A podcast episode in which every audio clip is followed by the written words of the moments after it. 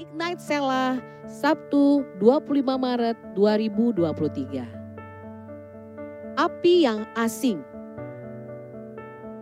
Firman Tuhan hari ini diambil dari Imamat 10 ayat 1 sampai 3. Kemudian anak-anak Harun, Nadab dan Abihu masing-masing mengambil perbaraannya.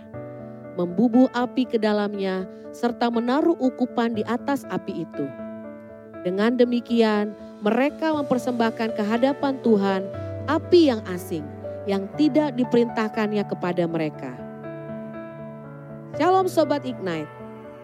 Tentunya kita tahu apa yang terjadi pada anak-anak Harun, Nadab dan Abihu.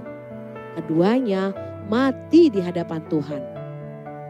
Imamat 10 ayat 2, maka keluarlah api dari hadapan Tuhan lalu menghanguskan keduanya sehingga mati di hadapan Tuhan.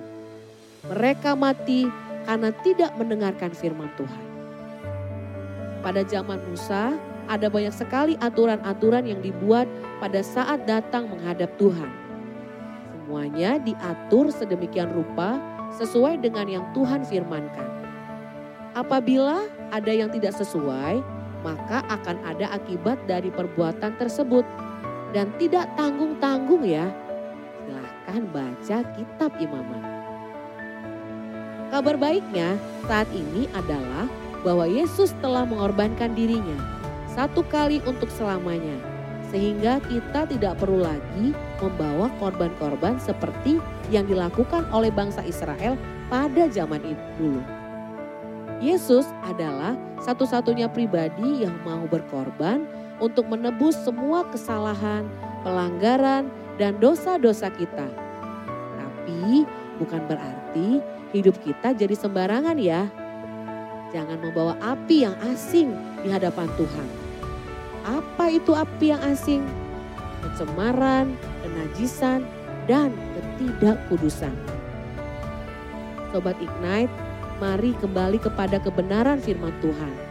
Mengalami kasih karunia Tuhan berarti mengalami perubahan dalam hidup. Hidup yang tidak sembarangan, hidup yang tidak kompromi terhadap apa pun. Persembahkanlah hidupmu sebagai persembahan yang hidup, yang kudus dan berkenan kepada Tuhan. Itulah ibadahmu yang sejati, sebagai korban yang berkenan kepada Tuhan. Haleluya! Selamat beraktivitas Sobat Ignite. Tuhan Yesus memberkatimu.